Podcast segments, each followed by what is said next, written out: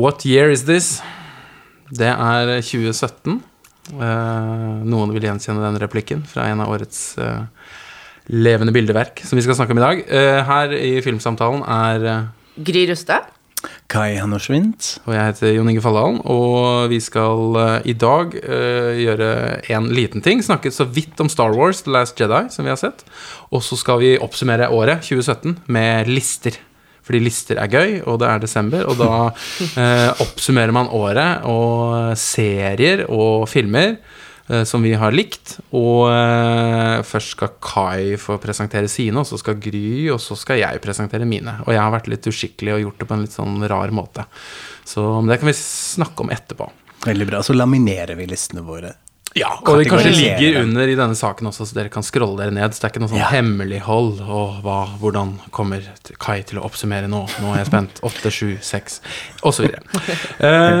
Men Star Wars, det, du var vel den første som så den, kanskje, Gry? Var du, ja. du er litt sånn fan, kanskje? Litt? Ja, jeg liker Ser den Star liksom Wars. den dagen den kommer ut? Ja, Kanskje ja. du kan begynne, da, og si hva du tenker? Jeg har jo sett den originale trilogien ganske mange ganger. Eh, Jeg har til og med sett de der forferdelige George Lucas-filmene et par ganger. Eh, Men eh, ja, jeg likte Force Awakens veldig godt. Um, og jeg likte denne kanskje enda bedre.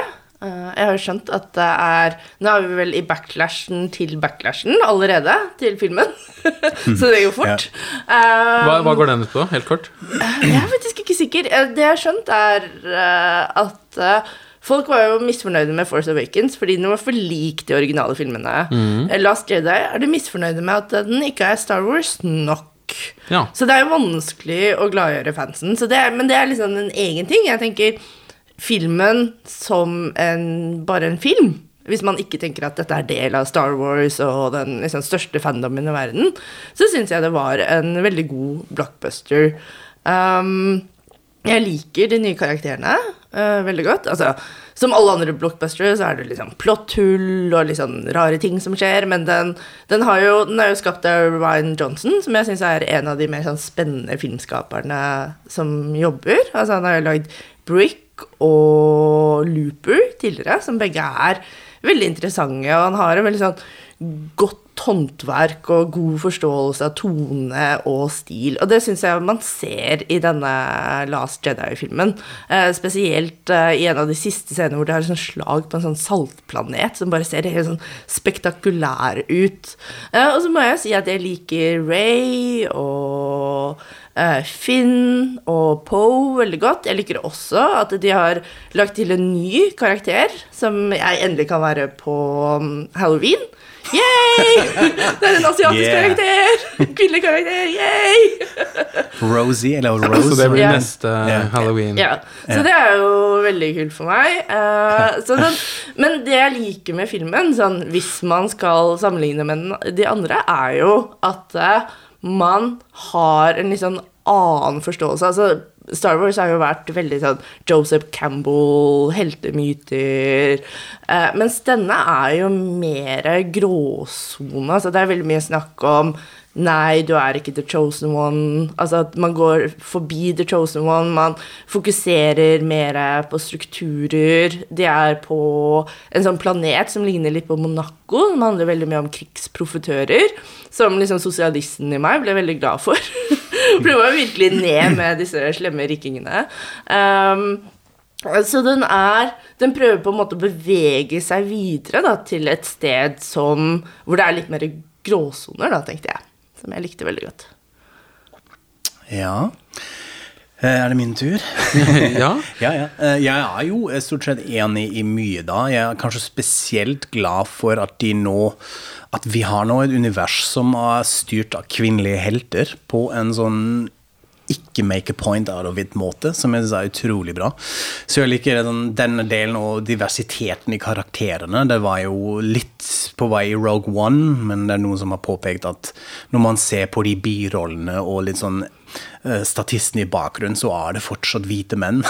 Men det har de jobbet med nå i eh, The Last Jedi, så det virker som en mer divers eh, univers, og det syns jeg fungerer veldig bra. Også en fan av Ryan Johnson. Jeg syns også den er kanskje visuelt sett mest spennende. Det er mye estetisk visuelt som er veldig sånn Og skutt på film. fascinerende. Altså 35 millimeter Ja, film. absolutt. Og det, ja, det har kanskje også en effekt. Um, jeg likte også Det kom en menn etter hvert, men jeg holder meg til de ting jeg likte først. Um, at det var en sånn veldig spennende, fin dekonstruksjon av religion. Altså denne force-myten som man Jeg hadde en følelse gjennom alle de filmene gikk fra å holde dette litt vagt i de første filmene, til altfor ko konkret i de prequels, som var superirriterende med at det er noe du har i blodet, og uh, det som bestemmer det.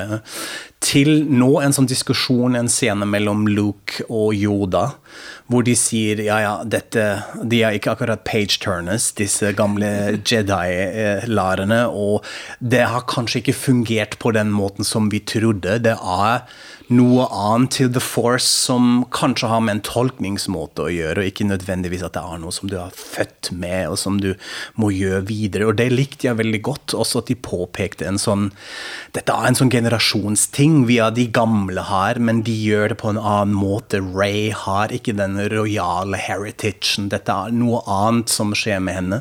Det likte jeg veldig godt. Det er en veldig smart måte liksom, å gå videre uh, rundt uh, dette. Også Veldig bra humor. Uh, Syns Poe Dameron-karakter har en kul humor. Den åpningsscenen hvor han tuller med Å, oh, ja. Hugs, og han som skal De er på intercom og skal snakke med hverandre. Og Det er mulig å ikke bli forelska Ja. Oscar Isaac som Poe Dameron. Kom Poe. Dameron veldig bra. Så det er en fin Han Solo-substitutt i anførselstegn.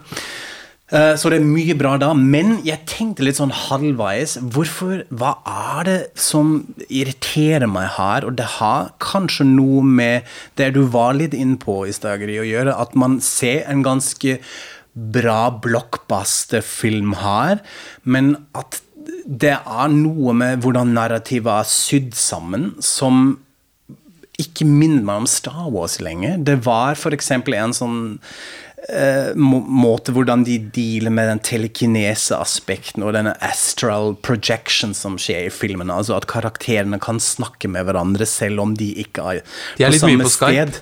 De er veldig mye på Skype, og de er det også i en sånn avgjørende scene. Nå spoiler jeg litt. Ja, det har vi jo skrevet Ah, allerede altså- før dere hører på denne. At det er Ikke sant, dette er spoilers så, ja. her. Når Luke på slutten litt sånn nærre uh, Kylo Ren og den attack eh, på den saltplaneten, så, er han, så var han faktisk ikke til stede selv.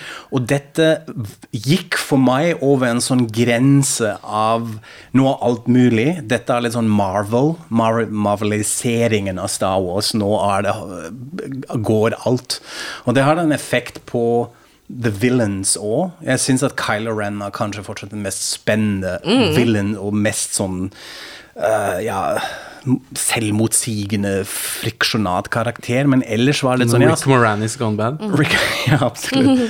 Så dreper vi Snork, eller også, Snoke. Snoke. Snork. Snork. Ja, det var en Freudian slip. Ja, jeg tror det. Uh, så det, for meg var det ikke noe særlig på spill lenger. Nå er det sånn alt mulig, og så skjer det, da har vi en film til, og så er vi ferdig med den plotline. Så det syns jeg var litt lame. Og da har de Kan være litt sånn gamle gubbe Star Wars-fans snakke, men det syns jeg gikk over en grense for meg. Spesielt denne biten av hvor, hvordan det blir fortalt, med hva slags gimmicks de jobber nå i handlingen. Vet ikke hva dere, om dere reagerte på samme måten? Hva Jon Inge? syns du da, Jon Inge? Ja. Jeg, hang meg også litt opp i den der eh, at det stadig var sånne samtaler, eh, telepati eller telekines, eller altså action at a distance, eh, en eller annen type Hva er nå dette eh, som, som fortellermåte, så ble det litt uh, det ble kanskje litt sånn som eh, serier er eh, gjort. Da. At man er ett sted, og så er man til et annet sted. Så kobles de litt sånn løselig. Så eh, jeg savnet kanskje noe av den der intensiteten man kan få hvis man er mer fokusert om ett sted av gangen, og at de der koblingene er litt mer motivert utover det at det er viktig for manus at disse skal snakke sammen, og at man skal Det onde og det gode skal hele tiden speiles, og eh, jeg tror ikke jeg ser alle de der grånyansene egentlig heller. Jeg syns fortsatt mytologien er litt sånn Ja, det er, Star Wars er noen ganger litt som å leke med jojo. Liksom. Du har liksom, enten så er den nede og snurrer, eller så er den oppe. Og så, ok Og så er det ned igjen, og så er det opp. Og eh, Jeg syns det var veldig gøy at Yoda brant opp hele skiten. Og tok liksom eh, De gamle bøkene er ikke så farlig. Eh, det var morsomt. Det var en veldig Litt sånn terror, eh, terror-act også, på et vis. Eh, så det, det syns jeg var kanskje noe av det friskeste. Og så likte jeg også det, altså looken, at det var film og 35 mm og litt mer sånn dukkeaktig og litt flere ting som man følte man kunne ta på. Men jeg ble, ikke, jeg ble ikke veldig sånn kroppslig med. Så jeg var jo på en sånn popkornvisning på Colosseum, og det begynte jo med visning i tak, og det var veldig sånn Dette er Alt lå til rette for en sånn eh, nå skal man bli dratt med, og Star Wars handler jo om det. Det er liksom pew-pew og fart, og det er ikke, det er ikke Tarkovskij eller liksom eh, type film, liksom. denne veien. Altså Blade Runner, en annen blockbuster i år, er jo en helt annen måte Ja. å uh, men, men jeg, jeg, hadde en, jeg hadde en ok fin opplevelse, men jeg, jeg tror ikke jeg kommer til å huske så mye av den. Jeg husker heller ikke så mye av The Force Awakens som en sånn uh, Jeg syns Mark Hamill gjør en ganske fin øh, skuespillerprestasjon. Jeg syns Ja, han har vært bedre. tidenes feilcasting tidligere. Altså En av de svakeste skuespillerne som noensinne har vært i en så stor film som de opprinnelige Star Wars-filmene. Men jeg syns han, har- han, han har gått kurs. Ja. Uh, men han fikk så mye å jobbe med heller. Han er, blir litt sånn eremitt som sitter her og Så gjør han jo en stor innsats da på Phoningen din og gjør det på avstand, men eh, Det er jo det. Det kan være at dette på en måte fungerer litt bedre når man ser litt sånn neste filmen, at det har en dramaturgi som er tilpasset til en sånn større ark. Fordi jeg hadde også litt sånn at vi fortsatt har er litt stakk på denne øya. Eh, Hva skjer egentlig da? Litt mer interessantere på de andre stedene, men eh, Ja, for de forflytter seg vel ikke så mye geografisk i løpet av Nei, dette. egentlig ikke. Eller flåten gjør jo det, da. Den er jo konstant på Ja, flukt. den, den du er Eh, men det jeg skulle si, var det jeg tror jeg liker med de nye filmene, er jo at jeg er veldig engasjert i karakterene. Jeg bryr Ja. meg om Ray, jeg bryr meg om Finn, Mm. Jeg bryr meg om Poe. Eh, så, som for eksempel i motsetningen til Blade Runner, da, som jeg også syns var visuelt slående. Så bare sånn Jeg bryr meg ikke om hvordan det går med disse karakterene Mm. i det hele tatt. Eh, mens i Star Wars så satt jeg i hvert fall og bare Oi, jeg håper det går bra. Jeg er enig i det. Også, og da, selv om jeg har liksom kritisert hvor, hva, hvor faktisk onde de onde er, at man ikke bryr seg lenger etter hvert, så er jo Kylo Ren virkelig fascinerende å se på. Altså Adam Driver spiller dette kjempebra. Og den, det er også en karakter som har skrevet smart. Bare denne turnen i filmen, og nå skal han bonde med Ray, og så slår de Snoke sammen, men så var dette kanskje en pløy allikevel. Så dette er jo virkelig å leke med forventninger, og da er du veldig tett på. Ja. Jeg syns Ray er en helt fantastisk eh, heltinne. Ja. Jeg syns Daisy Ridley gjør en veldig god Ja, ja, det jobb. Og jeg syns det er utrolig kult at uh, man kan bli så glad i henne. Jeg håper jo, Du ser jo liksom masse små jenter som kler seg Mm. ut som Ray, og det er veldig veldig fint å se, syns jeg. Ja, det er absolutt eh, på riktig vei, da, og det syns jeg fungerer veldig bra. Carrie Fisher, hva syns dere om Ja. litt sånn hennes avskjed? Det er jo en sånn meta Fikk eh, jo lesning både av filmen. skutt litt og Ja. Og det er veldig interessant at eh, jeg var litt usikker. De hadde jo filmet alt før, så den er ferdig. Den er logget inn, denne performancen, og de har brukt De har ikke forandret noe, så vidt jeg har lest det. Eh, men hva gjør de? Hvordan funker det nå? Altså, Ja, det, skal de recaste eller skreve henne ut i anførselstegn likevel? Det syns jeg var nesten litt sånn trist. Altså, jeg satt der og tenkte hun kunne kanskje ha gått ut med en stor eksplosjon eh, for å gjøre De det. tulla jo litt med det Ja, de med det. hun hadde jo en slags dødsscene, og så nei. Ja. Og så var hun tilbake igjen. Hun fløy jo som Supermann omtrent. Gjennom, det var litt merkelig òg. Men da igjen, for meg, var det, litt og klarte å fly. for meg var det igjen en sånn Marvel-grenseovertramp. Hvorfor flyr vi i spacen nå? Altså, det er det som gjør dette så mystisk. Denne spacen rundt som er farlig, hvor det ikke går an å leve. Så det syns jeg var også litt lame. Men den har kanskje ikke kommet inn på noen av listene våre, eller? Mm, nei. Nei, Nei. har den ikke. Så det er en, en, en fin, ok blockbuster. Eh, ikke en av de som kommer til å bli stående, kanskje, sånn eh, i filmhistorien. Nei. Kan vi Det tror jeg. Ja. Foreløpig oppsummere et par dager etter premieren. Men lister. Ja. Året må jo oppsummeres, og eh, dere har kanskje noe forhold til lister fra tidligere i livet. Det har i hvert fall jeg, men hva har dere Har det hatt noen betydning? Av ulike slag. Lister kan jo være som mangt. Da jeg var 16-17, eh, hadde jeg en sånn manisk fase å lage lister med noen venner. Beste album, beste musikk, beste låt eh, av året. eh, Beste Spielberg-filmer fra 1 til 10. Sånn, sånne ting som vi utveksler i klassen. Så for meg er det litt sånn tenåringete Ja. å gjøre, men jeg har også jeg, Det kan være en sånn ligge i badekar og lage en liten liste. Jeg kan fortsatt gjøre det. Jeg syns det er litt fint. Hva slags badekarlister kommer da? Er Nei, ikke av de beste badekarene, men der ligger jeg, ligger jeg i badekar og har sånn, Ja. filmer eller Du rangerer dusj og badekar. Beste må Det er to Boblebad. poeng på den listen. Tre. Nei, sånn, Opp fra andreplass opp fra andreplass andre er det boblevann. Eh, men nei, som beste Monty Python-filmer, så tenker jeg litt på det. Så har man noe å gjøre i ti minutter og sånne ting. Så jeg gjør det av og til, ja. Jeg er også veldig glad i lister. Lager lister over veldig mye rart, ofte. Jeg tror jeg har en um, en, en katalog med de beste filmene og de beste albumene og de beste TV-seriene til ganske langt, langt tilbake. I mange år nå.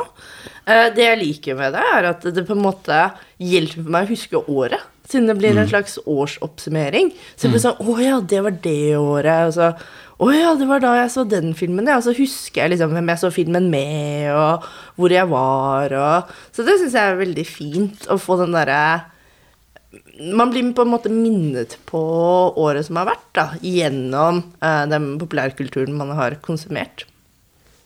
Vi lever i en veldig sånn nostalgisk tid også, så det er jo, det er jo aldri for tidlig å begynne å oppsummere Ja. heller. Man må tenke Og så er det bare at jeg er veldig uke. da. glemsk, så det hjelper. Det hjelper Ja. også. Ja, Så Hvis jeg sier huske selv. 2002, så kanskje du da kan huske en eller annen film også. Eh, Ikke sant? Nei, da må jeg gå tilbake i katalogen min og så se Katalogen, oh, ja, er det en ja. bok? Altså en, Har det en fysisk katalog? Er det en sånn Nei, Det er et Word-dokument. det er et Ja, Word-dokument, ok. ja. Ja. Mm. ja. Ikke så romantisk. Men du, da? Har du en, list, er du en listemann? Jeg var litt sånn jeg var barn, ja, og så tidligere litt sånn, og for meg også barn og ungdom, tror jeg. Mye lister å skrive ned fra radiolister og Ja, ja, topp eh, 30 og 10 skudd og hva det nå het. Og uh, lage egne lister og, og veldig opptatt av Jeg tror jeg brukte mye også til å orientere meg i verden for å finne frem til ting. Altså når de beste albumene eller beste låtene, beste filmene. Eh, og som ung så er man jo helt eh, Man vet jo ingenting. Nei. Så da, da er det et, sted, et lett sted å Og noen av tingene som har liksom betydd mest av kulturelle og kunstneriske ting, er, Ja. altså, Så har det kommet fra lister. Så er det noe deilig irriterende med det òg, fordi det er jo så utrolig subjektiv. Og det å lese andres lister som man ikke er enig i kom igjen, Kan du ha det på første litt Det sånn går jo ikke an. Ja. Og et sånn pubsamtalemateriale også, det er veldig fint. Eh, det er så um, er det også veldig fint å Hvis du har gått glipp av ting Jeg har gjort det i år. Så går jeg og ser på disse filmlistene og så bare Oi, den har jeg ikke sett, den har jeg ikke sett, den har jeg ikke sett. Og så blir det sånn Ja, kanskje jeg skal prøve å se den før året er omme. Så det er en veldig sånn fin ting og måte å få med seg ting man kanskje har gått glipp av også. Så kanskje selve rangeringen er jo ikke Det er ikke noe vitenskap. Det er ikke en sånn Nei. Men å lage litt sånne småkanon eh, årlig, det tror jeg kan være nyttig og en fin måte å eh, å finne ut eh, for en selv også. Hva er det, Går det an å rangere disse tingene? Det er, det er ikke så lett. Men Kai, du har da gjort det. På ti på TV og ti på film. Yes. Skal vi begynne med TV eller film? Begynn med TV, du. Begynne med TV. Eh, Jeg begynner med nummer ti. Da har jeg The Good Place. Eh, En sitcom, egentlig litt klassisk. Michael Shure, Parks and Rec, Fame og andre ting. Den har jeg også. Den har du også. Vi må ikke si for mye ennå, skal jeg bare lese opp. Ja.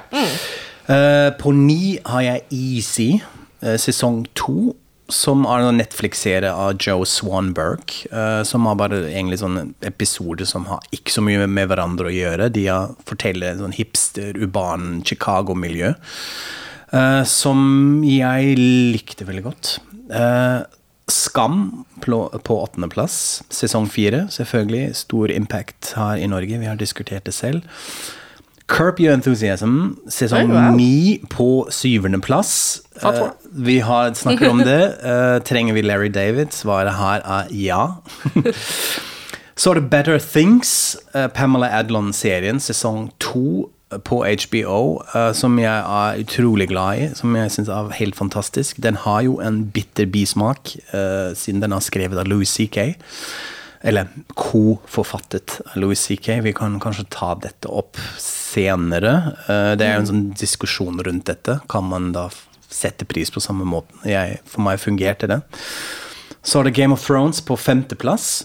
Sesong syv, selvfølgelig. Eh, jeg har prøvd å ta med litt sånn de seriene og år hvor det var mest sånn samtale rundt. Og selv om sesong syv har kanskje ikke engasjert meg på samme måten som de gjorde det før, så var det jo så utrolig mye snakking om Game of Thrones. Eh, og det stakk med. Det samme gjelder vel eh, plass nummer fire, The Handmaid's Tale. Eh, utrolig opplevelse. Den uh, ble jo veldig tidsrelevant uh, plutselig. Men av en fantastisk serie i seg selv. Jeg har, har fått mareritt av denne serien. Den har gått veldig inn. Så den fortjener en plass. Og så var det en litt sånn uh, geheimtipp, som vi sier på tysk. Uh, en sånn hemmelig tipp som man gir til folk, uh, som jeg har på tredjeplass. I'm Dying Up Here. Eh, som egentlig fikk ikke så mye omtale. Det er en serie som jeg har snakket om her, tror jeg som anbefaling, produsert av Jim Carrey. eh, om standup-komikere i Los Angeles på 70-tallet. eh, og litt sånn tilknyttet til en standup comedy-klubb. Som jeg syns var veldig fint. Veldig bra spilt og skrevet. som var en sånn hemmelig toppfavoritt, egentlig. Men den ble da utplassert av Rick and Morty sesong tre på andreplass. Fantastisk serie. Uh, mindfucky på den beste måten, og utrolig morsom. Og så The Deuce på førsteplass. Det har jeg Ja, den har kanskje overrasket meg mest, også fordi jeg ikke vært så mye bort i Simon-universet før. Uh, og så likte jeg karakterene, jeg likte stemningen. Jeg har fortsatt denne Curtis Mayfield-låten eh, på hjernen nesten hver andre dag. Dette var virkelig min favorittserie i 2017. Den er vel på alle tres lister, er den ikke det? Jeg har den i hvert fall på min. Mm, nei, jeg har ikke funnet plass til den. Ja, Oi, du har ikke den, ja. Mm. Ja. Men uh, Det er feil, er, Ja, det må vi jo krangle om etterpå. Men uh, The er jo viktig på førsteplass hos deg. Men du kan jo ta filmene dine også, Kai. Ja. ja, stemmer. Det er veldig viktig. Ja. Ok, filmer. Uh, 2017. Uh, jeg hadde Jeg har på tiendeplass The Handmaiden. Eh, koreansk eh, film som var en fantastisk opplevelse på kino, fordi jeg syns den var veldig fæl på en bra måte. Den var dritsexy på en bra måte. Og jeg likte at den eh, provoserte en del av de folk i kinosalen, to litt eldre damer, som gikk etter halvparten. Eh, hvor jeg tenkte yes, eh, fantastisk, det er sånn det må være. Den var veldig, veldig fascinerende å se på. Ja, Handmade altså. viktig for deg, da. Altså ja. Og den ligner jo veldig på Handmade's Tale òg, gjør den ikke det? Veldig. Veldig. Ja. Men jeg må også si at jeg var en av de som syntes den var litt for spekulativ, faktisk. Ja, ok. Uh, altså, Jeg likte jo filmen, og den så veldig veldig bra ut. Det er jo ikke sånn at jeg ble så krenket at jeg gikk på noen som helst måte. Ja. Men jeg syns den var litt spekulativ. Ok. I liksom fremstillingen av kvinnelig seksualitet. Ingen du ville være på halloween? Uh, jo, det kunne jeg jo. Eh, Men altså, eh, det, hva mener du med det? At det var et helt sånn manneblikk Ja. eh, på dette? Ja. At det er softcore? Ja, det var male Gay, porno, liksom? softcore Ja, ja. porno. Ja. Ja, eh, på en måte kanskje, men jeg likte litt at den Det er en kombinasjon av det, at den lekte samtidig, også litt med ja. den forventning man, som man har mot dette som tilskuer, og så gjorde det, var det en del sånn twist and turns som uh, putter det på en litt annen nivå.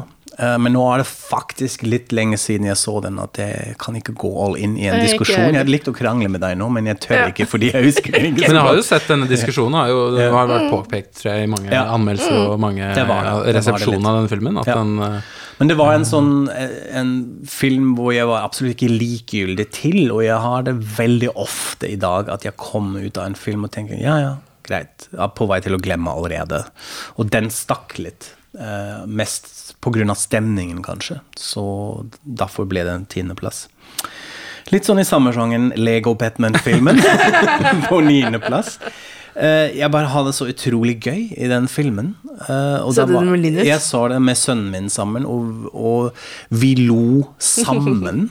Og det er litt sånn Det har vi selvfølgelig gjort- gjort før, men å se lille, lille hodet med den 3D-brillen ved siden av meg, og så ler man av faktisk gode gags eh, på en sånn film eh, det, det, ja, det fortjente en plass på liste. Eh, Disse danske klassemakerne har jo vært veldig flinke til å få andre til å bare fronte merkevaren sin helt enormt. Ja. Det må man si. Det har de klart, og selvfølgelig kjøpte vi Lego Batman-sets eh, med en gang. Har du kjøpt noe Mother eh, Ja, jeg gleder meg til Lego merch. Mother. ja. Veldig fint. Uh, Darren Aronofsky-filmen, som er egentlig på den listen her fordi den har irritert meg så mye òg. Den var så slitsom å se. Jeg likte den, men den var også veldig krevende å se, sitte gjennom. Uh, og igjen en sånn opplevelse fra kinosalen, fordi jeg hadde i rad foran meg Jeg tror det var en date. Og det var veldig god stemning mellom de to. Det var rødvin og så snakking, og så så jeg hvordan den stemningen ble ødelagt mer og mer gjennom filmen. Og de, de slutta å snagle, og det var litt sånn åh, de ble sånn sliten. Og jeg likte det veldig godt at filmen gjorde det. At den var litt sånn En film man kan se hvis man vil ende forholdet. Absolutt, det er hele Ja. det. Siste date-filmen. Breakup-movie. Eh, så, og så er den selvfølgelig litt sånn eh, overambisiøs, og hva handler den egentlig om? Er det om Mother Earth? Er det en film om kreativ skapelsesprosess? og sånn? Den er alt samtidig, men jeg syns den har litt guts, og det er også litt kult av Universal at de støtter et sånt prosjekt som Jeg vet ikke hvordan den gikk sånn budsjettmessig, altså box office-messig, men eh, jeg likte den veldig godt. Eh, På syvende plass har jeg The Mayor Witz Stories, New and Selected. Nå Noah Baumbach-filmen som kom på Netflix, som vi også snakket litt om her på podkasten. Bare en sånn varm, veldig fin søndag ettermiddags opplevelsefilm med fantastiske skuespillere. Igjen en liten bismak eh, med Dustin Hoffman. eh, etterpå, eh, men filmen er veldig fin. Sjetteplass har jeg I, Daniel Blake. Eh, som hadde en eh, merkelig effekt, fordi det er den filmen jeg husker mest fordi jeg gråt veldig. Og, Jeg òg. og klarte ikke å slutte. Det er en eh, nå sånn infamous scene på The Food Market. Altså, den handler jo om fattigdom i England, og eh, den single mom som ble venn med Daniel Blake, en eldre pensjonist. Eller han er arbeidsledig, han er ikke pensjonist.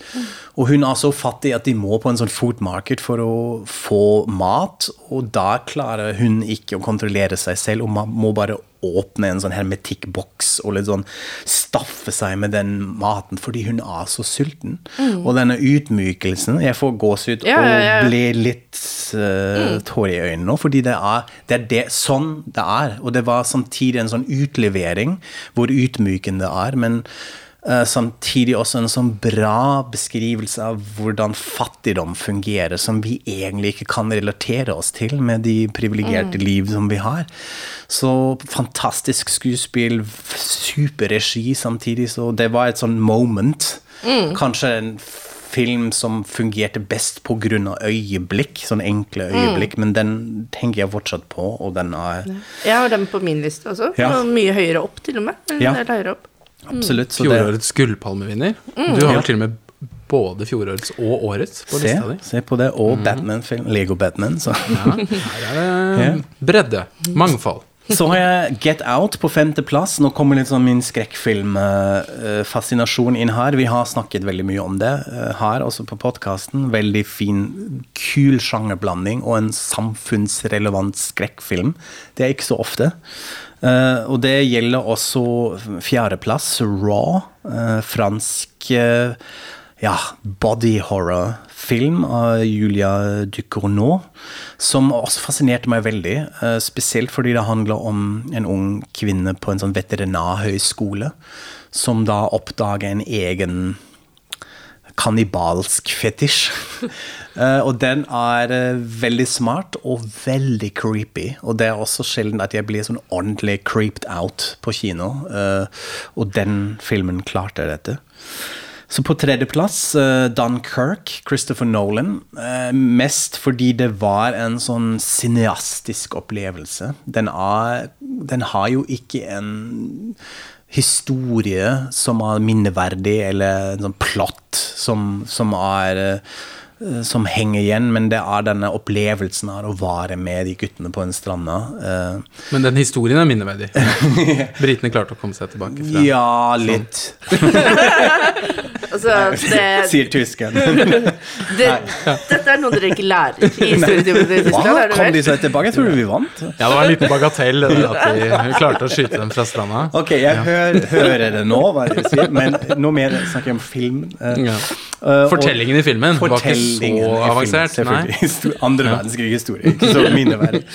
Nei, og så er det Hans Zimmer-soundtrack som var helt fantastisk. Og, Mm. og du, Jon Inge og jeg, vi så jo den på Cinemateket for 70 millimeter, som var en spesiell opplevelse rundt filmen. Så veldig, veldig kult. Andreplass, Thelma. eh, med våre gode venner som var her uh, på besøk. Virkelig litt kjipt at de ikke kom på en Oscar-shortlisten. Eh, men Jeg trodde du skulle si at det var kjipt at de ikke kom hit for å dele sine topp ti-lister. Ikke sant? Ja, de burde være her hver gang. Inviterer de neste år. Ja, nei, så vi har sikkert snakket nok om Thelma, men uh, grunnen at de ikke havner på shortlisten der, er jo min førsteplass, Ja. uh, nemlig The Square. som jeg syns er noe av det beste satirene som jeg har sett generelt, ikke bare på kino. Eh, og også ha et sånn øyeblikk, en sånn scene som man bare tenker på, nemlig Apemannen. Jeg trodde du eh, skulle si den sexscenen, ja. Sexscenen er også veldig pinlighetsrik, men jeg syns den var så intens, den Apemann-performance, eh, at jeg nesten orker ikke lenger. Jeg var liksom, Nå må jeg snart ut av kinosalen hvis det ikke slutter. Bare pga. den scenen alene har den vært å se, men den er supersmart, veldig morsomt, også litt sånn vondt morsomt. Det er vel en av de scenene kanskje som blir stående igjen fra Ja. 2017, som kan, som, kan- som kan fortelle mye om ja. mannlig, dyrisk eh, seksualitet, for eksempel. Evnen til samfunnet å gripe inn, på hvilket Ja. tidspunkt. Ja. Kunstens rolle i alt Ja. dette, og så videre. ja. Jeg har jo skjønt nå at det er jo vanskelig for noen menn å skjønne om kvinner har lyst på sex eller ikke. Ikke sant? Det var jo litt sånn snakk om det i det siste. Så det er jo interessant, fordi det er på en måte ikke planlagt. Altså, The Square kom, var jo vant Cannes i fjor. Eh, I mai, år, ja. i mai. Eh, så det er jo veldig litt sånn De fikk jo virkelig the moment, og nå vinner de jo alle priser. eh, fortjent, vil man nok si, men dette er virkelig altså, snakk Den blir jo sikkert nominert til Oscar også, det- og har vel Ja. en god sjanse der, kan- tror jeg. Ja, det tror jeg òg. Ja, så det var min liste. Ja, hva skal vi si om Kai ut fra dette, Gry? Ja, analysere meg. Han er jo Han er jo Minus det at han syns at Dunkerque er en eh, liten Krigsfornektelsen. Nei, men det er jo dette med skrekk og humor er vel det som er Mm. kjennetegnende eh, for Kai, med et litt sånn bløt hjerte for I. Daniel Blake. ja. ja, absolutt. Uh, men hva vil du si var det du syntes var lettest å sette sammen, Kai? Altså, hadde du noen problemer med å sette sammen disse listene? Ja, altså ikke så mye. Det er litt sånn mest som pragmatiske grunner at jeg ikke husker så mye først. At det var en sånn prosess. Jeg visste jo at vi skulle gjøre denne listepodkasten, og jeg eh, brukte litt tid på det. Eh, Nå, eh, Jeg var på ferie nettopp og hadde litt sånn en del downtime der med bare tenke litt. Hadde en sånn notatfunksjon på iPhone. og Lost in translation. Lost in translation. Ja, jeg var i Japan, ja. Um, så det var fint å ha litt tid, fordi jeg måtte litt sånn hus prøve å huske hva var det som skjedde i år. Og så er det litt interessant hvordan kino versus TV-serie rangerer. At, man, at det er en annen måte å huske disse opplevelsene, fordi man binger jo for det meste TV-serier som har litt sånn lengre prosesser. Men det å prøve å huske kinoøyeblikk eller kinoopplevelse var litt vanskelig på en måte å reaktivere dette. Ja, Eh, så- det blir jo litt spennende med Jon Inge, som har liksom satt dette ja, sammen. fordi du Skal vi se på din, Jon Inge? Eh, nei, Gry sin Ja, tur ah, ja, først. Okay. Um. Jeg er jo ganske tradisjonell, litt sånn som Kai. Har skilt mellom mediene. Eh, Da kan jo du ta også Yes. TV først, da. skal jeg ta TV først? Ja. Da kan jeg begynne med min tiendeplass. Der har jeg The Handmaid's Tale. Yes. Som altså Kai hadde på sin. Uh, enig med Kai. Uh, kanskje den mest sånn prekære, timely serien i år. Uh, som fikk eh, ekstremt stor relevans. Um, og en veldig sånn vond opplevelse. Men jeg må jo si at jeg syns Elisabeth Moss uh, bærer den serien. Hun er kanskje vår tids største TV-skuespillerinne. Uh, med Hammond's Tale og um, uh, Mad Men, selvsagt, og The Square også. Hun er i The Square også? òg. Ja. Ja. Eh, så, og selvsagt um, Top of the Lake Ja. er hun jo også i. Eh, min niendeplass er Crazy Ex-Girlfriend, som er en musikaldramakomedie om depresjon. Og mental helse. Mm. Så det er ganske spesielt. Den er veldig morsom. eh, veldig artig. Eh, den var mørkere enn noensinne, kanskje, denne sesongen. Så det var eh, veldig interessant. Det gikk virkelig dypt inn i mentale problemer, da, som veldig få eh, serier gjør. Eh, nummer åtte så har jeg The Marvelous Mrs. Maisel. Den kom nå nylig. Eh, den burde du virkelig se, Kai. Jeg vet. Jeg har hørt, hørt mye om den, men ikke sett den selv. ja. Veldig det er spent da på det. Er det en Amazon-serie? Ja. Det er Amy Sherman Palladino um, som har uh, um, uh, Gilmore Girls. Som, dette er en serie fra 50-tallet som er basert, løst basert på livet til Joan Rivers. Kjempemorsomt. Feel good. Helt fantastisk. Um, min syvendeplass er vel Mini sin Outlier. Uh, der har jeg Please Like Me. eh, som har blitt mer og mer populær på Netflix uh, de siste årene. Den ble sluppet i USA i år, det er derfor jeg tok den med. Uh, australsk serie som handler om en vennegjeng i begynnelsen av 20-årene. Også tar for seg liksom uh, homofili, depresjon, mental helse. Det er den eneste serien, uh, eller det er den eneste gangen jeg tror jeg har opplevd at jeg har skrattledd, sånn at jeg nesten falt ut av sofaen, og hylgrått samtidig. Okay. Jeg, bare, jeg, jeg har aldri opplevd å ha de to følelsene samtidig så sterkt noensinne. Yeah. Og det syns jeg er ganske Det er en stor prestasjon. Jeg hadde det litt i Dunkirk. Ja. Ok, Eh, moving on. Min sjetteplass så har jeg da The Deuce av David Simon. Jeg elsker jo, elsker jo David Simon. Eh, I motsetning til Kai så kjenner jeg hans univers ekstremt godt. Etter å ha skrevet halve doktoravhandlingen min om serien hans. Og, og jeg syns The Deuce er Det er liksom begynnelsen på noe som er like bra da som Tremay og The Wire. Og så. Uh, så på min femteplass så har jeg The Good Place. Også kjempemorsom. Det er litt sånn, ja, som Kai sa, tilbake til de klassiske NBC-komediene. Uh, med en fantastisk Ted Danson i hovedrollen og Kirsten Bell. Det er Hvor er det man ser den? A Good Place ligger på Netflix. Ja, på Netflix. Første sesongen. Så er det så interessant at den er på en måte Den, den introduserer jo etiske prinsipper på en utrolig bra måte. Yeah. Den handler om etikk. Ja. Og det er en etikkundervisning òg, yeah. gjennom serien, uten at dette er dølt. eh, Og, Og mer enn sånne plott-serier som Westworld og Lost, så er det jo denne serien får virkelig til de der store mindfuckene, hvor du bare sånn? Wow! Ja. Mm. Den, den twisten så jeg ikke komme. Så det er kjempegøy. Ja. Eh, Fjerdeplass så har jeg Bojack Horseman. Eh, det er jo helt utrolig at en serie om en hest kan være så menneskelig. Ja. Eh, men ja, eh, igjen, den har vel du også på din liste, Inge? Mm. Jeg har jo ikke Jeg har fortsatt ikke sett nok, og Nei. jeg føler at det er et eller annet som jeg ikke skjønner med Nei. serien, så jeg tror jeg må virkelig tvinge meg. Hvor langt har du kommet? Jeg har sett halv første sesongen. Ja, da er det ikke så rart. Eh, Jeg tror også Ja, jeg stoppa også der første gangen jeg så den, og så plukket jeg den opp igjen med lovnad om at særlig sesong tre og fire skulle være Ja. veldig bra, og det var de. Ja. Så jeg tror den serien rett og slett blir mye bedre. Ja, den eh, utvider sin særlig Ja. sånn karakterfordypning og sånt, i kanskje særlig sesong tre. Ja. Hvor det er også en av Og de sesong- siste årenes Ja. beste TV-episoder. En sånn undervannsepisode fra sesong tre som det er virkelig verdt å jobbe seg fram til. Ja. Jeg okay. visste jo dette om sesong én, at den ikke var så bra. Så jeg satte meg ned med det liksom i bakhodet. Så det var sånn, kom meg gjennom Ja. sesong én, så blir det bedre. Og det ble det. Ok. Uh, så den er absolutt verdt å se. Den blir bare bedre og bedre, nesten. Uh, min tredjeplass har jeg The Young Pope. Eh, Helt fantastisk serie av Paulo Sorrentino. Han vant vel Oscar for noen år siden for Den store skjønnheten. Gjorde han Ja. ikke det, Jon Inge? To Great Beauty? Eh, Jeg husker ikke. Nei, jeg tror det. Men her så har han da lagd en serie om Hva blir det? Biskop Lenny, som plutselig blir den yngste paven noensinne. Uh, spilt av Jude Law. Uh, og han um, Lenny, eh, som man kanskje ikke forventer, da, er ekstremt konservativ. Uh, men The Young Pop er bare en sånn utrolig merkelig serie. Den er liksom alt mulig rart på en gang.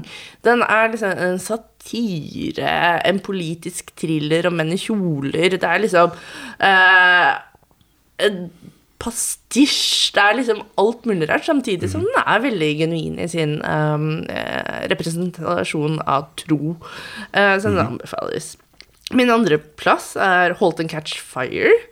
Uh, siste sesong, fjerde sesong. Um, Holt and Catch Fire handler da om fire personer i IT-bransjen fra 80-tallet og frem til 90-tallet. Så det handler jo liksom om utviklingen av eh, altså verden vi er i dag, med teknologi. Eh, men det er egentlig Det det egentlig er, er et skikkelig skikkelig godt karakterdrama som anbefales. Og det ble bare bedre og bedre. Det er en sånn serie som Første sesong var sånn ja, ok. Eh, mens eh, andre, og spesielt tredje og fjerde sesong, har vært helt fantastiske. Hvor er den? Eh, den er på TV2 Sumo. Oh, ja. eh, og Seymour, tror jeg har den.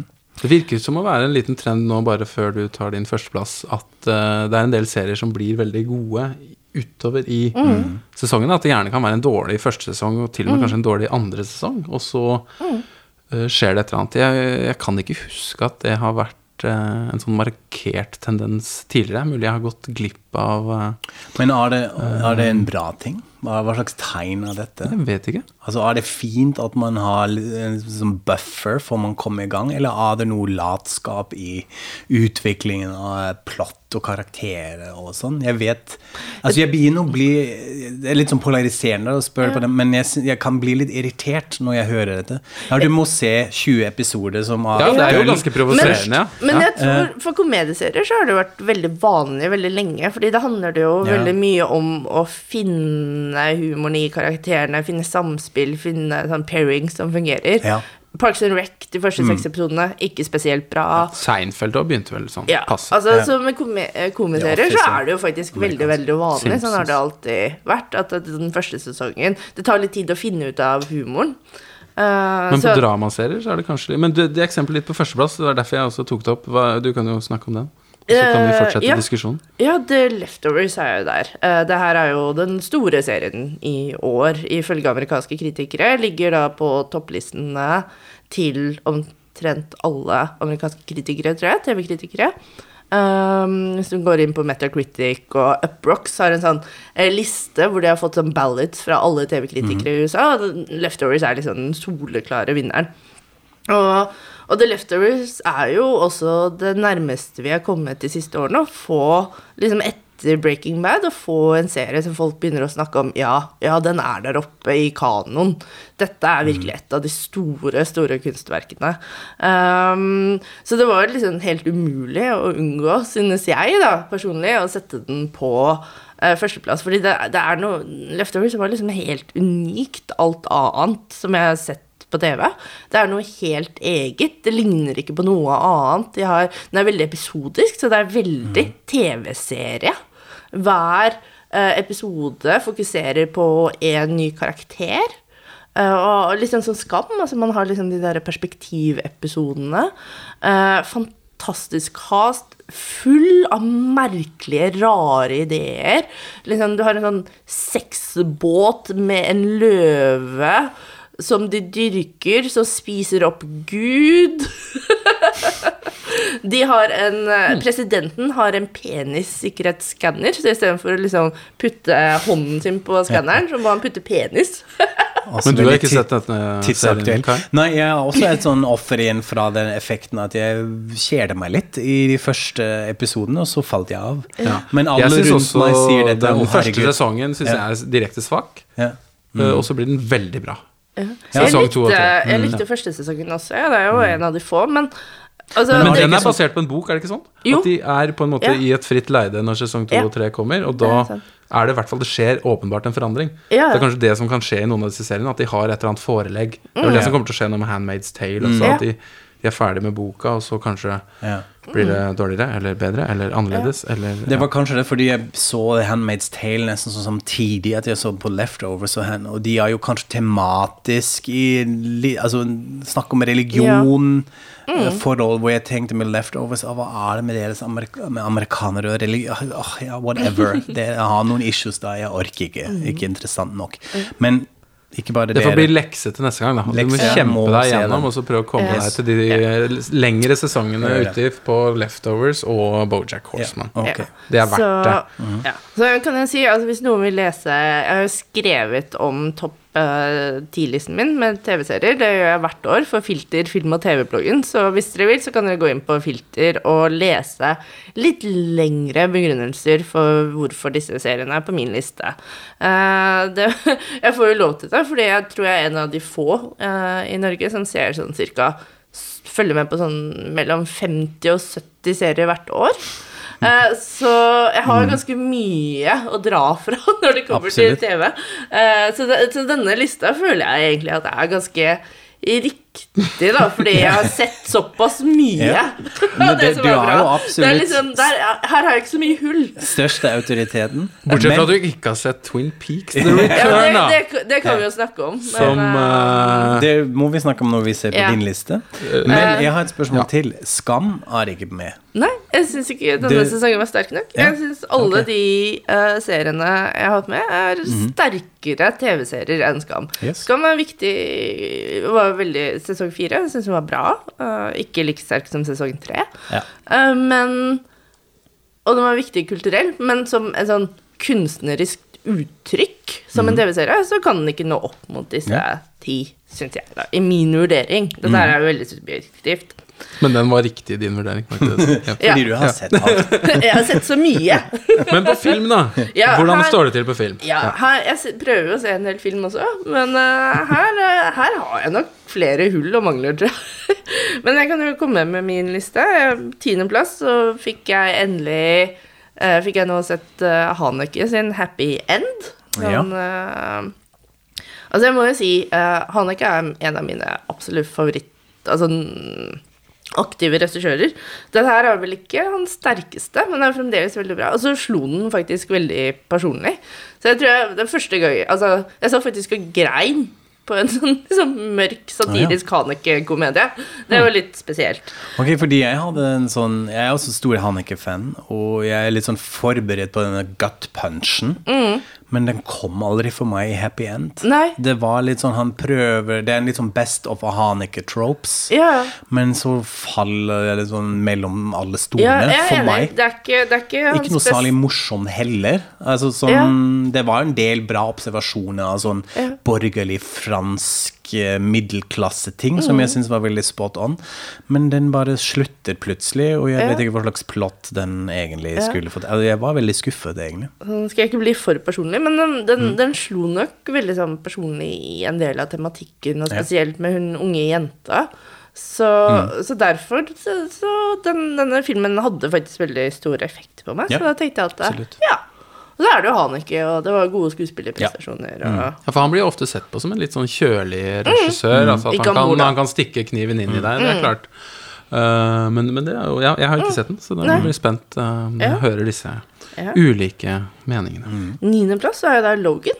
Jeg må innrømme at jeg er eh, svak for uh, Pene menn.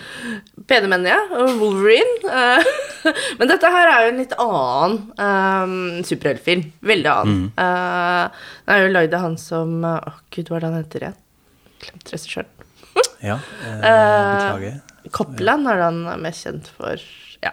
Men uansett, det er en litt sånn annen, litt sånn noiraktig uh, superheltfilm som har liksom low stakes. Uh, og den fungerte veldig bra. Uh, Åttendeplass har jeg Third Murder av min kanskje min aller største favorittaktive regissør, som da også har klart å ikke lage sin beste film i år, men allikevel eh, så er den så mye bedre enn alt annet at den må liksom med av uh, Koreda. Eh, her går jo da Koreda bort fra familiedramaene og over til liksom krimsjangeren, men han dekonstruerer kanskje mer krimsjangeren da enn at det faktisk er en krimfilm. Um, Syvendeplass er den japanske animasjonsfilmen Your Name. Det var en sånn kjempesuksess i Japan. Uh, utrolig flott sånn tenåringsanimasjonsfilm. Veldig fin. Uh, sjetteplass er Get Out. Uh, enig med Kai. Veldig god skrekksatire. Uh, femteplass så har jeg I'm Not Your Negro, uh, en dokumentar. Ja. Um, som jeg syns var veldig, veldig god. Jeg pleier egentlig ikke å se så mye dokumentarer, uh, men akkurat denne var veldig, veldig bra. Uh, fjerdeplass for meg, The Square. Helt enig med Kai. Fantastisk satire. Tredjeplass, Thelma. Jeg, jeg vil tro at disse Thelma og The Square går vel igjen på alles lister. Ja, og de ligger rett ved siden av hverandre på alle òg. Ja, er nå er det vel litt sånn nordisk forbrødring der. Ja. Men da slo Trier eh, Østlund på din liste. Ja, I motsetning jeg, til våre. Jeg fikk um, sånn emosjonelt mer ut av Thelma, tror jeg, enn The Square. Så det er vel derfor jeg puttet en hakk over. Men begge to er like bra. Uh, akkurat som med Kai, så satt jeg i hylgrein da jeg så Daniel Blake. Nå var jeg også riktignok på fly, oh, ja. og det er jo sånn når du flyr, så er, blir du enda mer emosjonell. Eh, Så de som trenger testpublikum på gråtefilmer, her har dere to kandidater. Kai og Gry, bare send en e-post. Ja. lett, lett rørte på film. Uh, og så nummer én så har jeg da Det her er litt flaut, men det er liksom ingen film som har slått denne fantastisk rene filmopplevelsen jeg hadde med John Wick chapter 2. Oh my god. John Oh Wick God, chapter 2. Keanu Reeves. Ja. Årets beste film, ifølge okay. Gry Rustad. Har du sett den, Kai? Nei, jeg har ikke sett John Wick 1 engang. Jeg er fullstendig Dette fascinerer meg mest på din liste, også med, med deg som person. Hva er denne John Wick-fascinasjonen? det. Altså, jeg er jo glad Gråt du av den? Nei. Så den gir deg noe annet. Altså, Ja. Du har en del ting som gir deg veldig mye emosjonelt, og som Ja. gir deg liksom, ting du kan få Jeg er nok en veldig sånn Ja. kroppslig filmseer, tror jeg, Ja, på mange ja. måter. Altså, For dette er ser med- bil og kjøring og skyting og Det slåssing så kult. Det er bare actionfilm. dritkult. Ja. Ja. Jeg syns også den er veldig kul, altså. Jeg- den er ikke på lista mi. Men Jeg så på kino, og jeg bare Wow, dette her er det film egentlig handler om. Det her er bare kjempegøy. Alt var kjempemorsomt. Jeg satt og så den på kino i um, Chicago med to kompiser. Vi satt og drakk øl. Det var det Ja. er en helt Men- fantastisk kinoopplevelse. Og filmen er god, altså. Det er innenfor sin sjanger, så vil jeg si at det er en perfekt actionfilm. Ja. Actionsekvensene er kjempestilig. Den gjør noe nytt med sjangeren.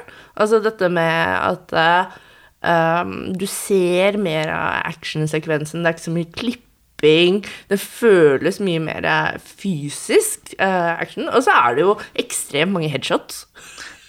Men det er det, altså jeg er helt enig med deg at et, no, et sånn film-action-sjangen som en sånn utrolig filmatisk sjangen, som er så kroppslig, som du får med Som jeg har jo en sånn biljaktfetisj også. Eh, Jeg elsker biljakter i de fleste filmene. Men jeg tror det hovedproblemet jeg har med Marvel-sjangeren, for eksempel, at dette er CGI og CGI og CGI. Det er ingen stakes for meg. Det er dataanimasjoner jeg ser på som mangler akkurat dette.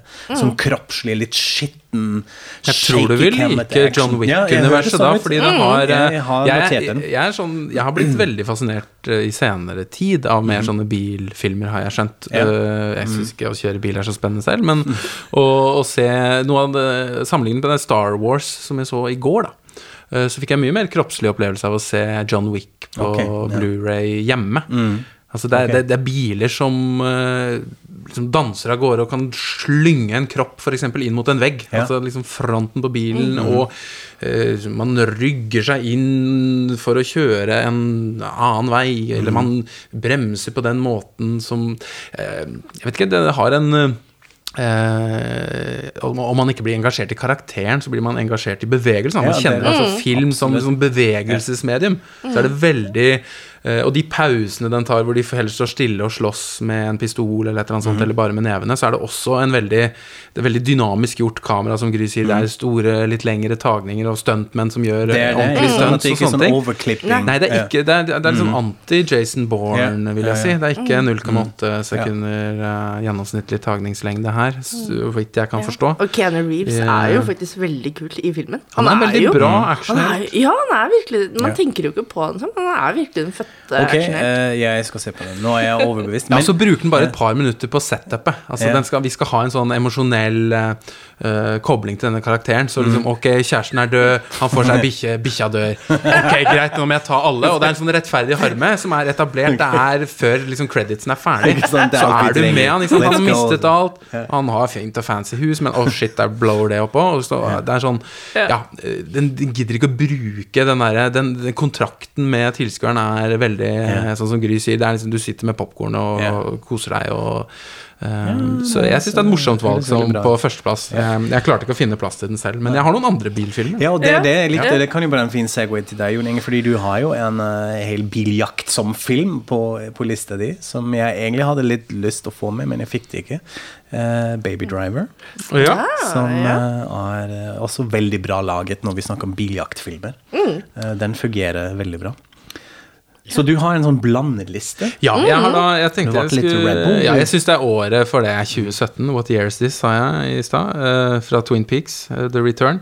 Uh, og det har jo også i noen av listene også Carriere de Cinema og Sight and Sound har jo også Twin Peaks på sin førsteplass. Jeg kan jo si allerede at jeg har også. Som et sånt eh, Ja, det er et 18 timers eh, levende bildeverk. Noen Mm. kaller det serie, kanskje. Noen vil kalle det en lang film. Lynch, han kaller det vel en lang film, som har forskjellige parts. Altså de Det er heter så part 1 typisk og så eh, videre. filmregissør. Jeg lager ikke TV, jeg lager lange filmer. Rolig. Ja, men jeg, jeg, jeg syns det er en fin uh, måte å prøve å sammenblande disse tingene. Altså, du snakker om de øyeblikksopplevelsene av å være på kino kontra det å binge 18 timer av noe, f.eks. Uh, men jeg har da en liste som har eh, eh, det blir jo da en vifte av ulike Og da er det 20 da på min liste, så jeg skal prøve å si det litt fortere. Eh, på 20.-plass har jeg Vaiana, eller Moana. Eh, som jo er en eh, fantastisk fin barnefilm. Eh, min datter på fem er veldig glad i den. Veldig mye fin musikk. Mm Syns også den har eh, mye av bevegelsen i film, og den derre eh, drømmen om å gjøre noe stort eh, som barn, osv. Uh, og barnefilm Jeg vet ikke Jo, du hadde jo Lego Batman. Ja, det du Batman. Your Name. Your Name, ja, ikke sant. Eh, 19.-plass, eh, Tokyo Idols, en eh, dokumentarfilm som handler om eh, eh, menn på ja, vår alder og oppover, Kai, som liker eh, unge idoljenter i tenårene og yngre Alright. i Japan. Så en ganske sånn mørk skildring av fankultur. eh, og en veldig rare eh, ja, hva skal jeg si, tilskueropplevelser av disse. Og så har de sånne handshake, meet and greet med disse unge jentene. Så det er liksom en mann på 45 som står og håndhilser og får signert eh, eller annen plate fra en jente på 15 som har kledd seg litt sånn skolejenteaktig. Vet du hva? Ja. Det, jeg var jo nettopp i Japan, Ja. og jeg hadde en sånn opplevelse. Det er veldig fascinerende. Jeg må se den filmen, fordi jeg var eh, gikk tur i Tokyo og kom forbi en park hvor de hadde en scene. På den scenen var det et show med en sånn girl group. Ja, det var sikkert sånne idol. Og det var litt sånn ok, litt rart, sånn plastpopmusikk. Og i publikum var det nesten utelukkede menn 40 oppover. Som var veldig creepy å se på. Det var sånn open air-show. Det var kanskje sånn 100-150 menn i publikum. Og en sånn jentete gruppe på scenen. Så det må være noe kulturelt da, som har uh... Men det blir jo litt sånn som bronies, da. Altså Ja. voksne menn som liker My Little Pony. Bare at det er heldigvis en animasjonsserie, så du Ja. får liksom ikke den der ekle greia i virkeligheten. Og en del sånne menneskeskjebner av folk som Jeg bruker alle pengene mine hver måned på dette, og kjøper 40 CD-er og 70 plakater og går på konserter og så det, det, det sier mye om menneskesinnets eh, litt sånn yeah. mørkere irrganger. Og det mannlige blikk og alt mulig metoo og sånne ting også. Kan man jo fint uh, sette inn i dette. Men ok, eh, den andre siden av mynten, kanskje. 18.-plass, Broad City. Uh, sesong fire. Uh, New York-komedie. Unge damer som er eh, feminister og eh, liker å røyke litt og kose seg. Uh, veldig kul serie fortsatt, syns jeg. Uh, The Leftovers har jeg på 17.-plass. Uh, likte også godt sesong 3. Uh, 16.-plass uh, Drib, den norske filmen, som er en sånn slags ja, skildring av en reklamekampanje som uh, visstnok skal ha foregått på en måte, og så er det en sånn lek med fiksjonsnivåer og Ja.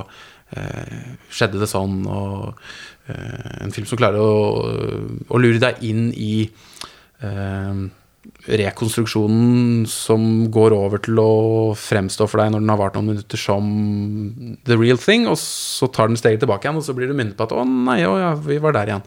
Eh, så det er ganske veldig godt eh, filmhåndverk og forteller eh, spennende talent i norsk eh, film, altså. Virkelig. Jeg så den på flyet nå, på den lange flyreisen, og eh, likte den, men slet akkurat med det der, med denne rekonstruksjonsbiten. Og nå er det skuespillere som spiller mot han som spiller seg selv i et sånn eh, liksom fiksjon. Hva er det nå? Ah, ok, så jeg blir litt sliten av det. Men jeg, det skyldes kanskje mest den flysituasjonen. Jeg likte egentlig, den var fascinerende å se på. Og veldig ulik eh, annen norsk film, da. Ja, absolutt. ja. Eh, og i et år hvor jeg egentlig syns det har vært- veldig mange gode norske filmer. En, Ja. en stor bukett man har hatt. Ja. Eh, Thelma og eh, Hva vil folk si og The Rules for Everything og Hoggeren, Hoggeren, og Fluefangeren og Ekspedisjon Knerten. Altså veldig mange fine filmer. Eh, men ok, femteplassen, som du sa i stad, Baby Driver. Det er jo litt Det kunne vært kanskje John Wick, men det er også Den må du se, Gry, hvis du ikke har sett, har sett, den. eh, Du har sett den? Ja. ja. Hva syns du da om den? Jeg likte den. Jeg, jeg tror jeg hadde litt for høye forventninger, faktisk. Mhm. Eh, og så Jeg tror jeg forventet mer humor fra Edgar Wright, og så var det ikke så mye humor. Og så Ja. ble jeg litt sånn uh. Jeg er enig. Jeg synes også den, var, den leverte ikke helt der, men s- siden jeg har denne biljaktfetisjen, så Ja. hadde jeg nok å se på. Jeg liker Cornetto-trilogien mye, mye bedre. Ja, det må jeg si. Jeg syns også at de er mer underholdende og bedre filmer, men Det er, de jeg likte Baby. Driver. Ja. Mm, ja. Ja, for jeg, jeg, jeg, tenkte, jeg tenkte ikke så mye over den manglende humoren, men jeg, jeg øh, ja, øh, så den som en sånn øh, ja, Ser denne bilen liksom danser av gårde. Liksom ballett Ja. i, øh, i gatene. Og en karakter som var liksom spennende nok, og, øh, og Kevin Spacey som passende som bad guy, da. Det syns jeg jo var veldig troverdig. Som en sånn uh, ekkel sjef, syns jeg. Så han uh, Kanskje han har trukket på noen egne erfaringer, jeg vet ikke. Eh, The Myrowitz Stories på 14.-plass. New Unselected. Uh, og så Og Dustin Hoffman spiller litt sånn ekkel pappa. Det passer jo også veldig passer godt. også. Ja. Og så er det nok en litt sånn eh, bilfilmaktig good time på 13.-plass. Eh, Den hatet jeg. ja, den likte ikke, ikke du. sett. Det, den tenker jeg er litt sånn indie-frenetisk versjon av John Wick, på et vis. Altså det er mer eh, en eh, ganske så usympatisk eh, hovedkarakter. Um, Pattinson. Mm. som Ah, kan den- minne om en sånn ja. Culkin eh, 3.0-type. som gjør veldig mye dumt og har en Ja, oppfører seg forferdelig og eh, men den var, jeg syns den var utrolig intens. Altså, det var en, sånn, en film som tar tak i deg med en gang, og holder fast i en sånn intensitet som eh, Ja, jeg syns vedvarte. Eh, Den var også i Cannes i mai, men du likte den ikke? Nei, det var bare fordi han gjør så mye dumme ting. Så jeg bare satt og irriterte meg så innmari. Jeg bare Jeg klarer ikke å se på sånne filmer, for folk gjør så mye dumme ting hele tiden. Ja. Det er bare Det gjør for vondt. Jeg bare Nei, nei, nei, ikke gjør det, da. Ja. Okay. Så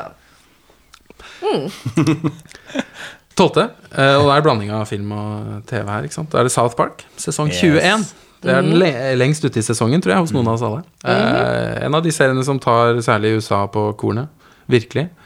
Jeg syns de eh, gjør veldig mye spennende ting med å kommentere presidentvalget og eh, alle disse eh, heksejakten nå rundt eh, Weinstein og metoo, og da blir det en ordentlig heks i South Park, og Cartman tar med seg kjæresten sin ut i skogen som Hans og Grete for å bli kvitt henne, sånn at heksa skal Ja. Så de er Eh, fortsatt relevante. Det er litt sånn, sånn Simpsons curse som har sånn falt litt av. etter Ja, hvert. mm. De har liksom fingeren på eh, Pulsen? hvor mange, ja, hvor mange prosent eh, offer er du i en av disse episodene siste sesongen, så kan man eh, ta en sånn swab på spyttet sitt, så kan man sende inn, og så kan man finne ut er du 12,7% native american, ikke sant? I'm 12% victim. Og så kan du få vite hvor mye offer du er, da. Så ender det opp med at noen kommer tilbake og får vite at de er neandertalere, ikke sant. Og da, ok, Homo sapiens har jo utryddet alle neandertalerne, ikke sant. Vi er most victim, da. Så, så skal du vinne, da er du liksom African American, eller eh, Dame. Så, Ja. ja, så en av disse hovedkarakterene, han gjør han, han stjeler noe spytt da fra en eh, native american og eh, blir 100 da. Uh, uh, utslag på det. Veldig mye morsomt rundt sånn identitetspolitikk og den slags. Um, som jo også på en måte preger 11.-plassen, som er den dokumentaren Gry også hadde med, I Am Not Your Negro, men som har en sånn historisk resonans i dag. Baldwin sine tekster og Raoul Pecks fantastisk bra dokumentarfilm. Eh, har du sett den? Nei, eh, jeg har den på lista. En annen liste, nemlig den jeg skal se. Men jeg har ikke det ennå. Det, det er nok en av de filmene tror jeg, som også blir liksom stående igjen som en av de viktige dokumentarene. Uh, Tiendeplass har jeg Thelma. Uh, Niendeplass The Square. Så de henger sammen på et eller annet vis hos meg også. Uh, Åttendeplass Nathan for You, sesong fire. Ja, den hadde jeg nesten med på min liste òg. Som er jo denne rare eh, kanadiske mannen som har så eh, bra karakterer fra en eller annen business school, at han skal hjelpe alle small businesses med eh, gode ideer. Kan jo ta ett eksempel fra den siste sesongen, hvor de skal hjelpe noen fordi de selger eh, røykvarslere til utlandet, og så legges det på moms. Så da, for å omgå den regelen, så vil han få eh, røykvarslere til å bli eh, registrert av tollvesenet som musikkinstrument. Eh, Og for å gjøre det, så må han eh, få en hit, eller at den blir anerkjent av musikksamfunnet som musikk. Så han har en sånn audition med og får sånn, en veldig god gita- gitarist blant annet, i det bandet, og sier at nei, du skal spille på denne. Og så må han spille på røykvarsleren med verdens verste lyd.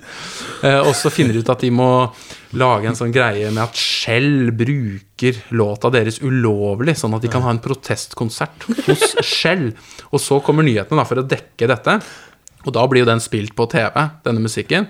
Og så får de da liksom registrert og godkjent på et vis, og den går gjennom tollen. da. De sender noe eh, som ikke får eh, Så det er, det er sånn lengst mulig vei fra A til B. Det er liksom Ja, konseptet i den Ok, serien. At det ene tar det andre på en sånn fantastisk Frances Ja, den siste episoden er en veldig sånn rørende sak. Det er egentlig sånn, film, Ja, det er en 90 minutters film hvor det er en sånn rar mann som hadde en kjæreste, kanskje, på 60-tallet. Prøver å oppsøke henne nå, da. Eh, og så blir det en sånn bihistorie med denne hovedkarakteren som eh, kjøper mange dates med en sånn der callgirl-dame som han bruker 350 dollar timen. og, og, men bare snakker med og får en veldig litt sånn forelska-aktig type storyline. Eh, du som komiker, Kai, du må se Nathan for you. Ja. Ja, også på lista. Uh, ja, nå enda mer etter den. Altså, hvis, man, hvis jeg skal bare stole på kroppen min, da, som dere også gjør når dere ser film og serier, så er det den jeg, jeg har ledd mest av. Helt sånn sitte alene og sprutle-type mm. yeah. situasjon. Man ikke klarer å holde igjen. Ok. Sjuendeplass. Blade Runner. Eh, 2049. Um, jeg har ikke tenkt så mye på den filmen etter jeg så den på kino, men jeg husker at den, den Det sitter igjen veldig mange bilder der. Jeg ser for meg sånn uh, lobbykortene, hvis jeg lukker øynene. Altså hva De stedene. Um, sånn veldig god designet, og så kan man si hva man vil om innhold og, og plott, og jeg ikke så opptatt av det, stort sett. Ikke så opptatt av mennesker.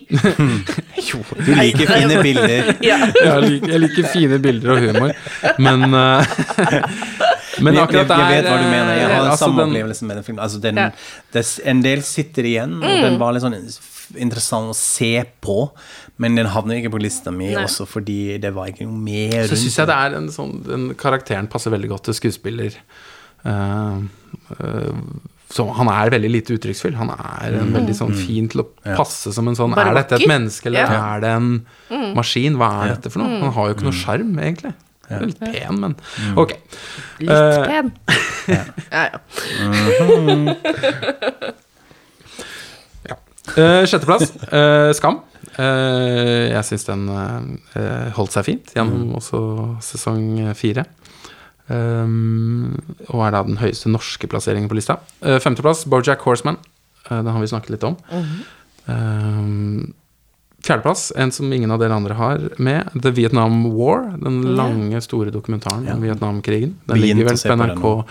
eh, som er årets sånn historiefortelling for eh, å lære masse om eh, viktige historiske hendelser. Også fortalt på en veldig engasjerende og god måte. Og Ja. veldig betimelig med advarsler om krig og politikk og eh, hestehandler i bakrom Ja. og telefoner mellom folk som uh, i påvente av neste valg er nødt til å uh, kanskje ofre et par hundre tusen mennesker et eller annet annet sted i verden for å vinne velgerne neste høst.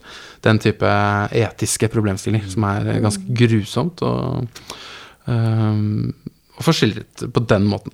Øhm, tredjeplass, Lumière, som er øh, Ja, den gleder jeg meg til. Jeg det er, jo, det er jo ikke 2017-filmer. Dette er de tidligste filmene som er laget. Og jeg vil kanskje si det fortsatt de beste filmene som er laget. Det er uh, Lumière-brødrene og deres eh, operatører som reiste rundt fra 1895 og ti år eh, fremover. Og så er det en dokumentarfilm da, som er bare satt sammen av deres eh, snutter, av Thierry Fremont, som er eh, også Cannes-sjefen. Uh, og det er helt uh, enormt hva man klarte å få til av Én ting er eh, i det hele tatt levende bilder. Altså, dette var de første som virkelig fikk det til, og med en stabil teknologi og eh, skarphet og dybde og sånne ting. Eh, men innholdet der også er eh, eh, veldig bra. Det er klart å skildre dagligdagsscener, ulike sjangere. Eh, så hvis man skal dra argumentet ganske langt, så kan man si at eh, det har ikke skjedd så mye siden 1897, da, kanskje. Eh, så derfor har den fått lov til å være høyt oppe. Den går fortsatt på kino? Jeg tror den går på kino fortsatt, ja. Den, eh, ja. Eh, Andreplass, Better Things. Jeg har det samme ikke-problemet som deg, med det at Louis C.K. har vært med på den. Mm. Uh, jeg syns Pamela Allen har virkelig tatt eh, steget opp i toppsjiktet med den eh, sesongen. Helt eh, rørende og smarte dialoger som går uante veier. Jeg syns eh, eh, det er lite som har vært i nærheten av den eh, kvaliteten eh, i år. Bortsett fra da førsteplassen, som for meg er helt åpenbar, som er Twin Peaks, The Return. David Lynch. Um, en ja, milepæl i eh, filmhistorien og TV-historien og hva man vil kalle det. Webhistorien for eh, lange serier. Eh, men vi har jo ikke kunnet diskutert den flere ganger, fordi dere ikke har sett den. Nei, riktig. Men det er litt fascinerende at du Mm. Eh, har, skaper på en måte en sånn egen knagg. Altså For deg er det ikke så viktig den sjangeren. Er det TV-serie, er det film? Det er noe med den Mm. generelle opplevelsen eller stemningen eller Du har jo en sånn lynsjfascinasjon. Du har jo litt sånn jobbet Du har jo til og med møtt han, du har intervjua han. Ja, jeg gjorde et intervju Eh, for Så er det det? det det? Altså at du er Du vil være del av det universet, eller at, du, at det fungerer så bra for deg? Eh, jeg er ikke noen fan av Twin Peaks, som eh, kanskje det jeg likte minst av lunsj okay. før dette. Eh, egentlig likte den filmen, Twin Peaks Fire Walk With Me, bedre enn serien, som har veldig mange lavpunkter, særlig der hvor lunsj ikke er med, da. Eh, og andre har skrevet og sånn. Eh, nei, for meg er uh, Mulholland Drive og Inland Empire, mm. Blue Velvet, som er de eh, Og det er det denne serien eh, gjør så godt, er at den, eh, den trekker inn uh, Det blir ikke en slags greatest hits, men han, han, han riffer og jammer med sin egen produksjon. Altså det er skuespillere fra disse Det er Ok, det var han fra Mulholland Drive, og her er det noen fra Lost Highway, eller her er det uh, Laura Dern har vel litt uh, um, Og den Jeg syns han eh, På en måte det, er- det, er- tidløst eh, og allikevel uh, Syns han klarer å, å si noen eh, viktige ting også uten å være sånn direkte politisk eller real. Mm. den er jo så laget over mange år. Så det, det, er ikke en sånn, det er ikke en kommentar på noe spesielt. For meg er det mer sånn Dette er et eh, et, et, et kunstverk, en, eh, en helt unik visjon fra Lynch da, og Frost, som også lager det, og, og klarer å og også engasjere sånn karakter følelsesmessig. Altså her er det en scene hvor en karakter han har ventet på å kunne bli sammen med en dame i 25 år. ok. Så spilles det vakker musikk av Otis Redding. Og så går han inn på dineren, og så begynner gåsehuden, og så Å nei. Det, så blir man tatt med på en sånn type reise. Eller så kan det være sånn ultravold. Eller sånn ironisk melodrama, påkjørsel av liten gutt. Mor som skriker. Mm. Det er eh, åtte minutters kjøring i svart-hvitt inn mot en atombombe. Det er eh, svevende, rare ting. Det er eh, Jeg tenker eh, Twin Peaks The Return eh, inneholder alt det f- for meg, da, som, er, eh, som fascinerer meg med levende bilder, da. Altså, Ja. Og som vi jo alle har snakket om i dag. Altså at det berører oss, det får oss til å gråte, det får oss til å le, det får oss til å føle, det får oss gåsehud, vi kan minnes på egne opplevelser. Det kan være noe politisk, det kan være ok, dette er fin, bra representasjon av noen i samfunnet, om det er fattige, eller at det er etnisitet, eller noe sånt, eller legning. Eh, og jeg, av alle tingene i år, da, så var det ikke noe vanskelig for meg å uh, også den opplevelsen altså Det var noe, å sitte opp om natta, refreshe HBO Nordic for å få se de første episodene. Uh, ja, kjenne på den derre det er forventningen. Og det, det er ikke så ofte man får gjort i dag. Eller å vente på noe som ingen har fått sett. Sånne ting. Det er Nå skjer det!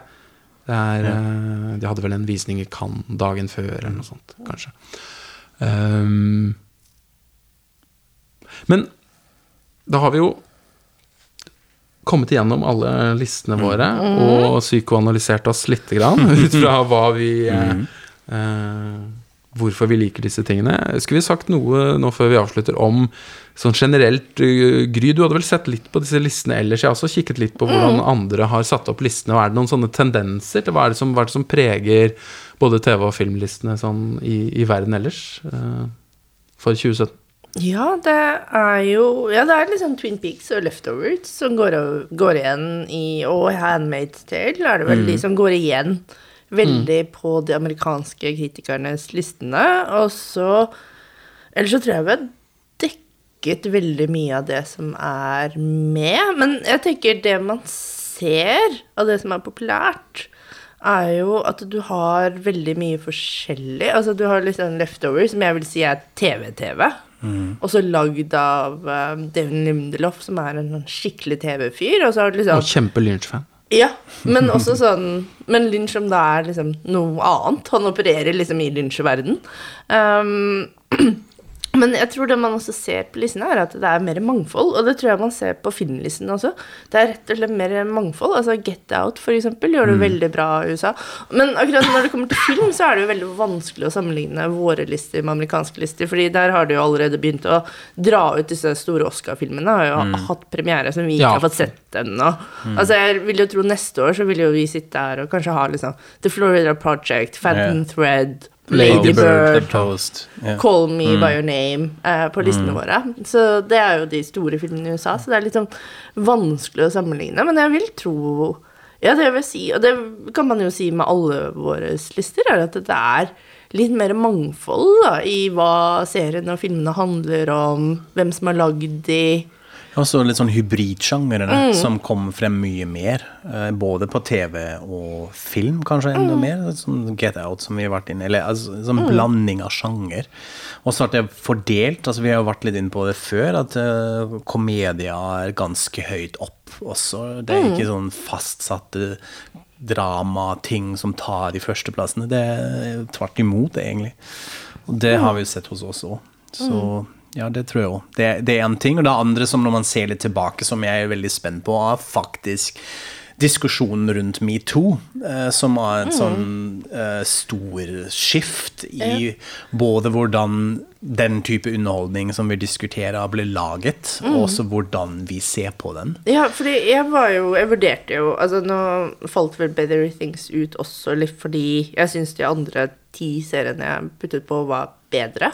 Og ga meg en bedre opplevelse. Men jeg likte jo også den veldig godt. Men jeg husker jo de siste episodene som ble vist, så var det faktisk ubehagelig. Og spesielt Jeg tror det var rett etter Louis C.K.-skandalen hadde blitt sluppet. Så var den neste episoden var bare written by Louis C.K., og han alene. Jeg bare Oi, dette var litt rart. Dette er faktisk litt ubehagelig. Eh, så det påvirket faktisk opplevelsen min av de siste episodene uh, i mye større grad enn jeg trodde, faktisk.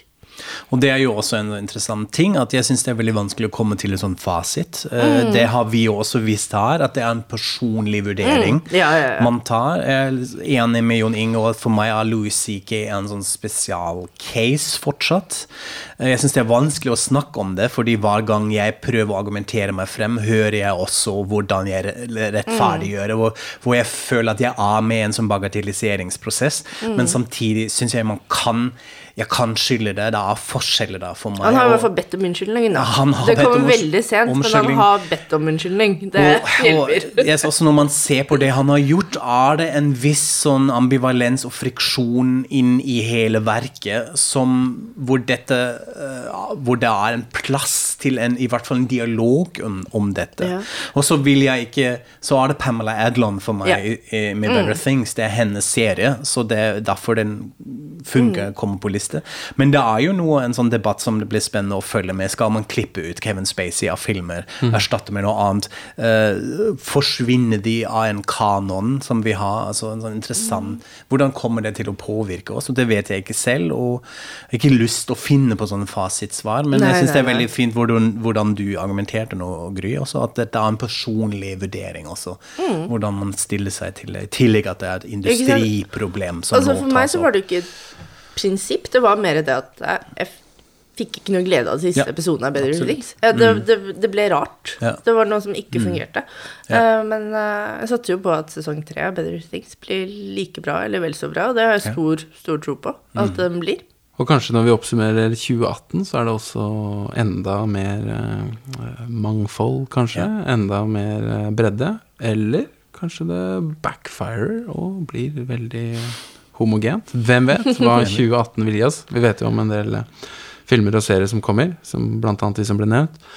Eh, men skal vi takke for oss, og takke for i år, for Ja. eh, lytterne våre Ja, på takk. Filmsamtalen? Og så lover vi at vi skal bli mer forutsigbare til neste år. Vi prøver å love, i hvert fall. Ja, vi Ja. fikk jo egentlig en fin anmeldelse i Dagbladet, eh, men da var det litt sånn stikk at filmsamtalen er litt uforutsigbar, på godt og vondt. Ja. Så vi må det er jo helt riktig. Det er jo Ja. En helt, riktig observasjon. men vi Ja. burde skjerpe oss litt. Ja, vi skal gjøre det. Og takk for alle som hører på oss. Det er veldig gøy å kunne gjøre det Ja, her. anmeld oss på iTunes. iTunes. Mhm. Eller gi oss en anmeldelse på iTunes, heter det. Ja. Men da kan vi si god jul og godt nyttår. God jul og godt nyttår. God jul, godt nyttår. Ha det. Ha det.